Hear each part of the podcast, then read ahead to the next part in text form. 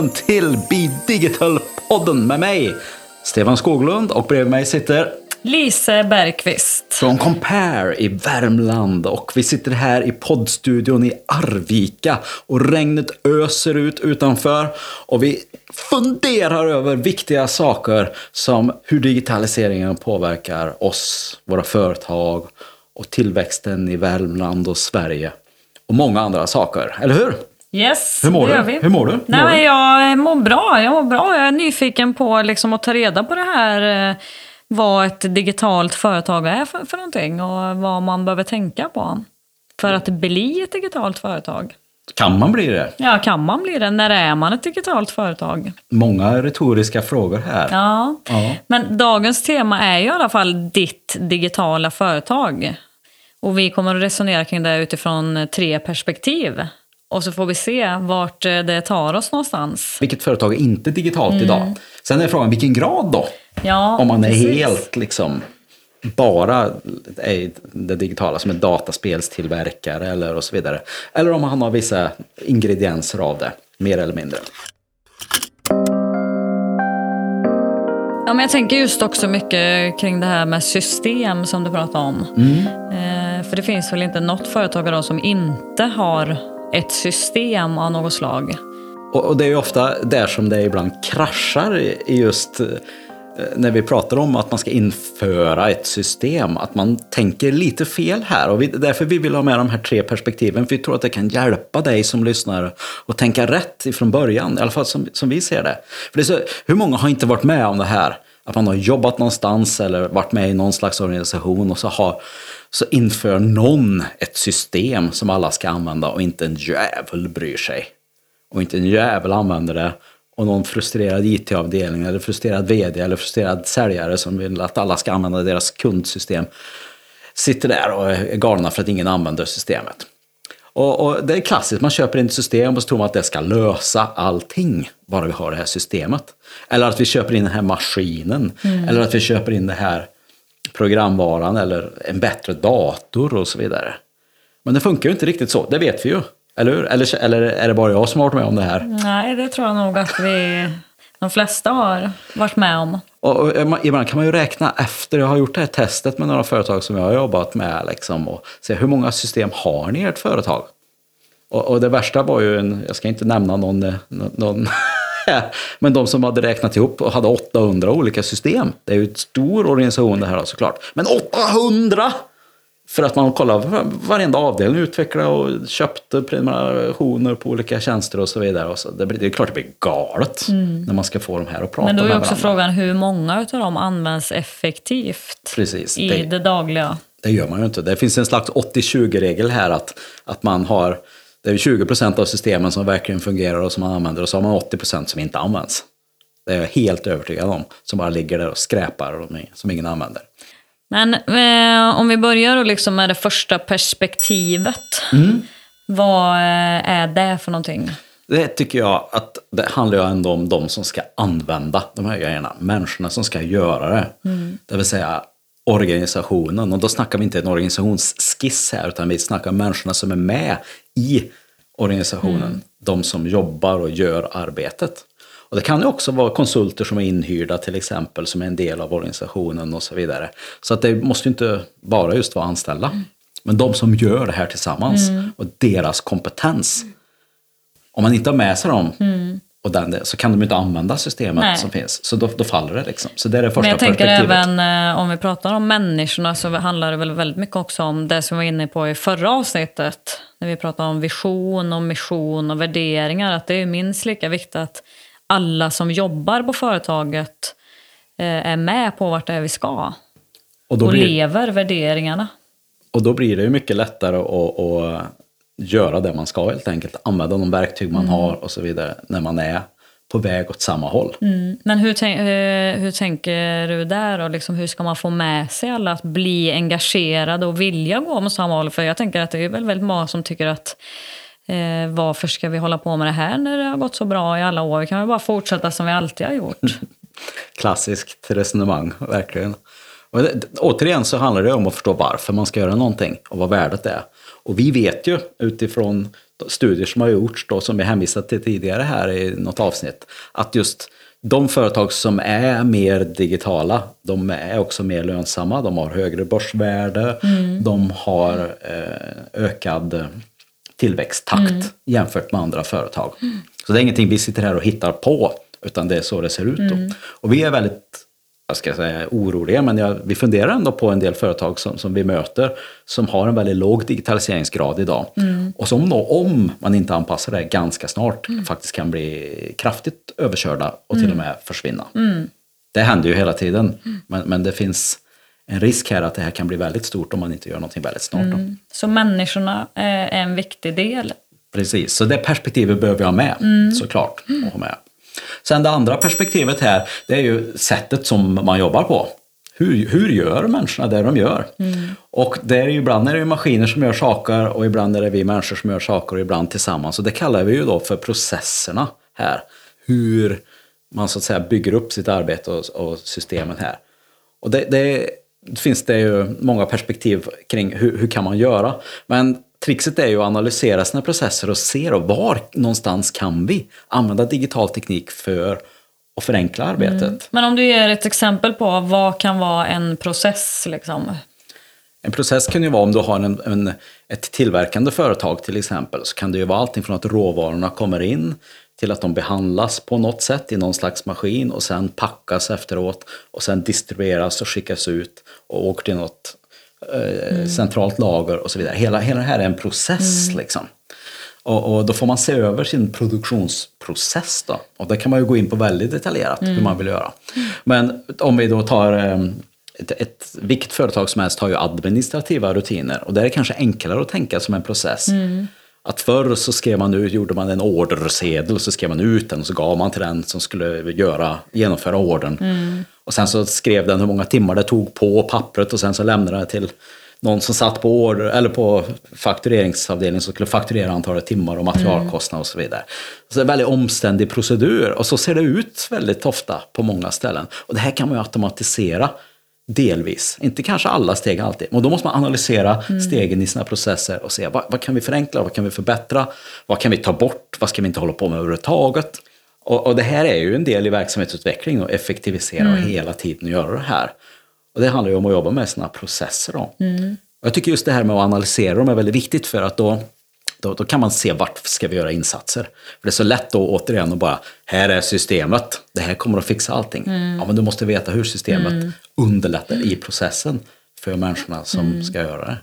Men eh, det sista perspektivet handlar ju egentligen väldigt mycket om, som du pratar om, systemen och tekniken och det. Vad är det för man behöver i vardagen för att det ska fungera effektivt? Hur tar man reda på då vilka system det är som passar för just min verksamhet? Hur ska man veta? Vad man ska välja? Då kommer vi till den här eh, fasen där det gäller att tänka efter vad är det som vi vill ska bli gjort egentligen? Och eh, för att få någonting gjort så kan vi använda, vi kan göra det själv som människor, vi kan använda en, en, maskin eller en dator eller ett program för att göra någonting. Det finns många olika sätt att göra det på. Och då tycker jag att det är ett smart sätt att tänka utifrån bara, vad, vilka effekter vill vi ha?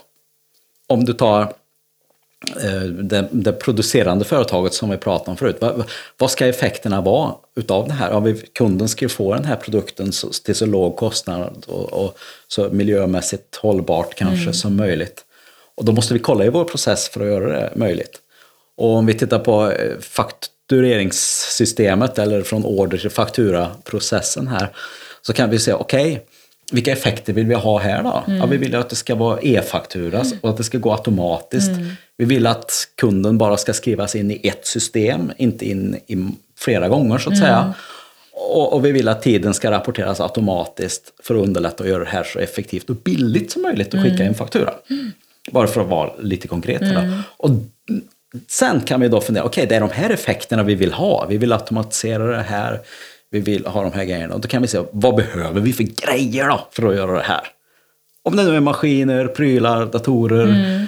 mjukvara, hårdvara, programvaror och så vidare. Molntjänster eller vad det än är. Och det är ofta där man börjar, börjar istället. Ja. Shit vad bra om vi bara hade Google mm. Classroom i skolan. Eller om vi bara hade Dropbox på kontoret. Och om vi bara hade Teams för att samverka eller Slack eller något annat. Liksom. Ja, men då skulle allting funka. Liksom. Men då menar du att då börjar man i fel ände? Då börjar man i fel ände, precis. Och det är väldigt lätt att köpa eller börja prenumerera på något och så vidare. Och så bygger man upp de här prylarna eller systemen eller stegen. Här, istället för att tänka på vad, vad, är det för effekter vi vill ha. Mm. För utifrån det då, och nu snackar jag mycket här, men just utifrån effekterna så kan man då se vilka, vilka krav behöver vi ha för att uppnå mm. det här. Då kan man göra en kravspecifikation och se, okej, okay, de här grejerna behöver vi mm. för att uppnå det här som vi vill göra. Och då brukar det ofta utkristallisera sig en teknik eller ett system som passar. Inte alltid, och ibland får man utveckla något eget. Ibland kan man köpa något som redan finns. Och eh, ibland så kanske man måste modifiera något system för att få det att funka. Nej, eh, jag tänker att om man, för det är ju inte alltid säkert att man har den här kunskapen själv eh, för att kunna göra en kravspes. Nej, definitivt inte. Nej. Hur gör man då? Jag tänker, det är ju som med allt annat med, med, med kompetensdelen här och det perspektivet mm. att är, vissa saker är vi duktiga på och ska vi hålla på med i våra företag för mm. det är det som är vår kärnkompetens. Vissa andra saker kanske andra ska göra. Mm. Och i det här fallet då, som det du frågar så finns det ju experter som kan göra effektkartläggningar då som man brukar kalla det för. Ja, det. Man kollar vad är det för effekter vi egentligen vill ha. Och sen så kan man också göra en kravspec utifrån det. Då. Just det. Och visst, man kan lära sig och bygga upp den kompetensen mm. själv och göra det här och det är inte svårt. Det gäller att ta tiden till att lära sig och sen mm. göra det. Eller också kan man ju köpa in den tjänsten, som, mm. precis som med mycket annat också. Då.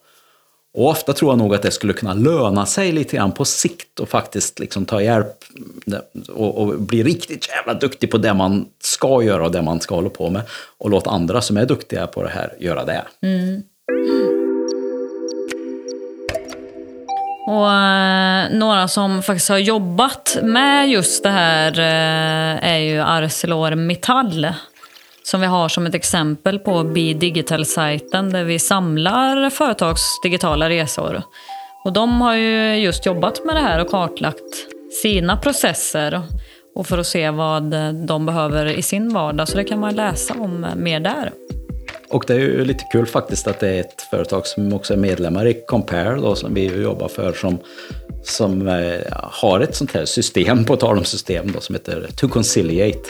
Som då, där man kan ja, modellera upp, då, alltså rita upp sina processer mm. visuellt och se vad man behöver göra. Mm. Ofta är det ganska effektivt faktiskt att kunna se det framför sig. Då. Mm. Man kan ju också rita det på ett blädderblock eller en whiteboard såklart. Eller också då i, i, ett sånt här modelleringsprogram. Och det hjälper en att se vart det kanske fungerar mindre bra och där det faktiskt fungerar. Ja.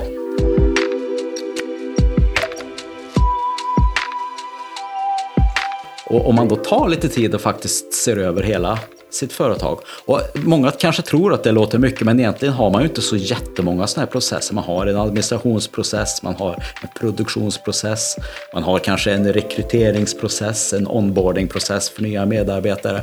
Ja, visst, det kan dra iväg och bli en del, men, men, men det, till slut tar det ändå slut på mm. vad det är som ett företag håller på med.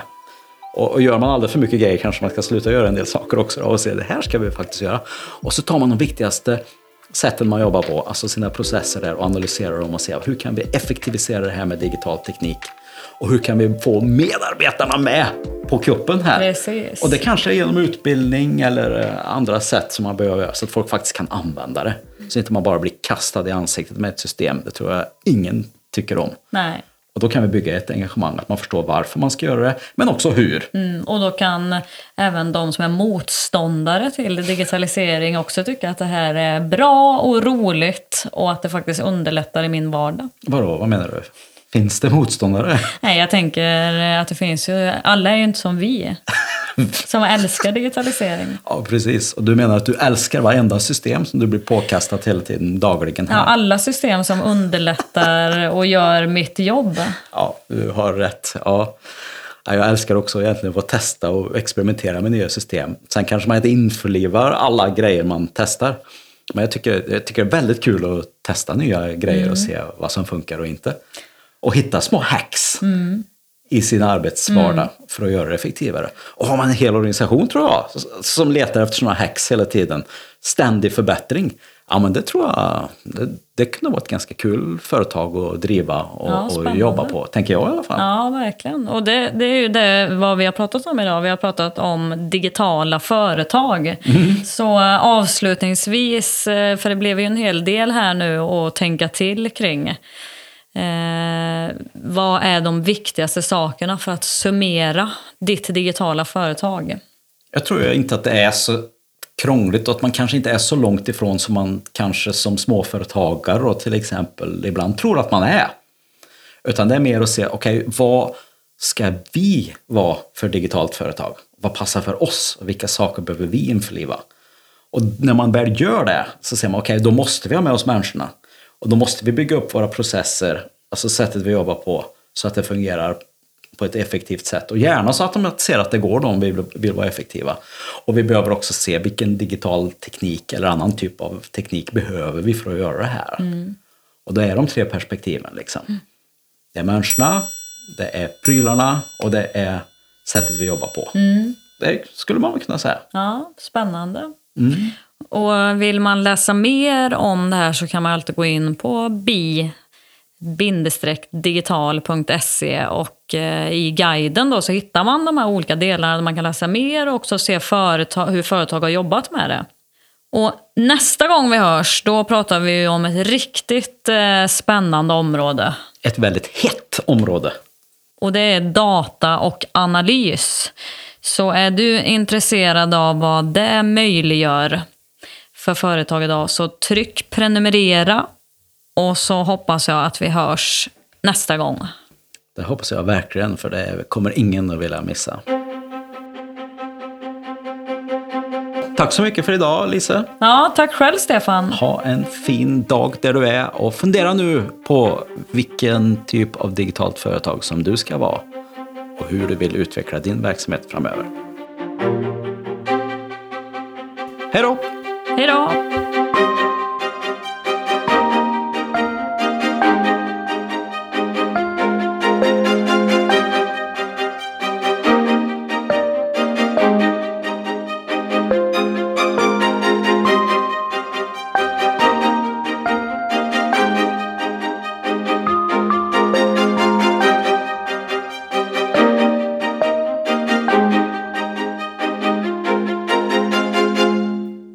Avsnittet av Be Digital-podden har producerats av Studio Nyström Aktiebolag och medfinansieras av Europeiska Unionen, Europeiska regionala utvecklingsfonden via projektet Smart Industri Norra Mellansverige.